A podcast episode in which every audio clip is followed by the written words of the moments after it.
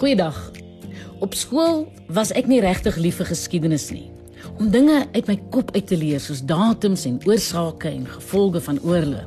Nee, dit was nie vir my nie. Dit is vir my veel lekkerder om te verstaan hoe mense en die lewe en die wêreld in mekaar steek. Ja, die misterie van die lewe en die uitdagings van menseverhoudinge, dit maak my opgewonde. Kyk, mense is mos interessante wesens.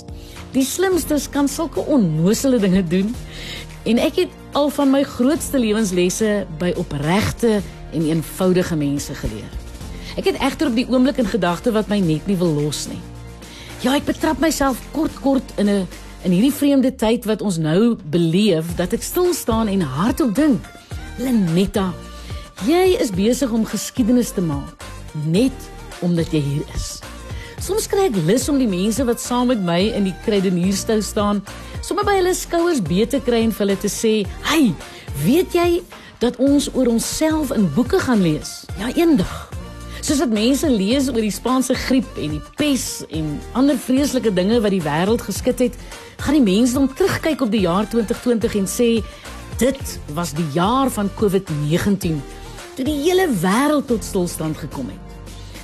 Die geskiedenismakery gaan egter vir my baie dieper as die statistiek en vrese en grappies wat ons so met mekaar deel.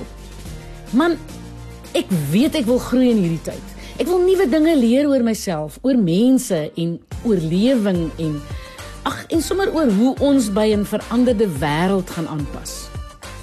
En wanneer 'n volgende generasie oor oor die jaar 2020 in opstel moet skryf, wat gaan hulle van my en van jou sê? Gaan die geskiedskrywers vertel hoe ons platgeslaan is deur 'n ekonomiese depressie en deur vrees of of gaan hulle gaan hulle ons onthou vir ons medemenslikheid en ons innerlike krag om aan te pas en terug te spring soos geen generasie voor ons dit nog kon reggekry het nie. Hm? Wat dink jy? Ek is Lenet Beer vir Groot FM Inspirasie.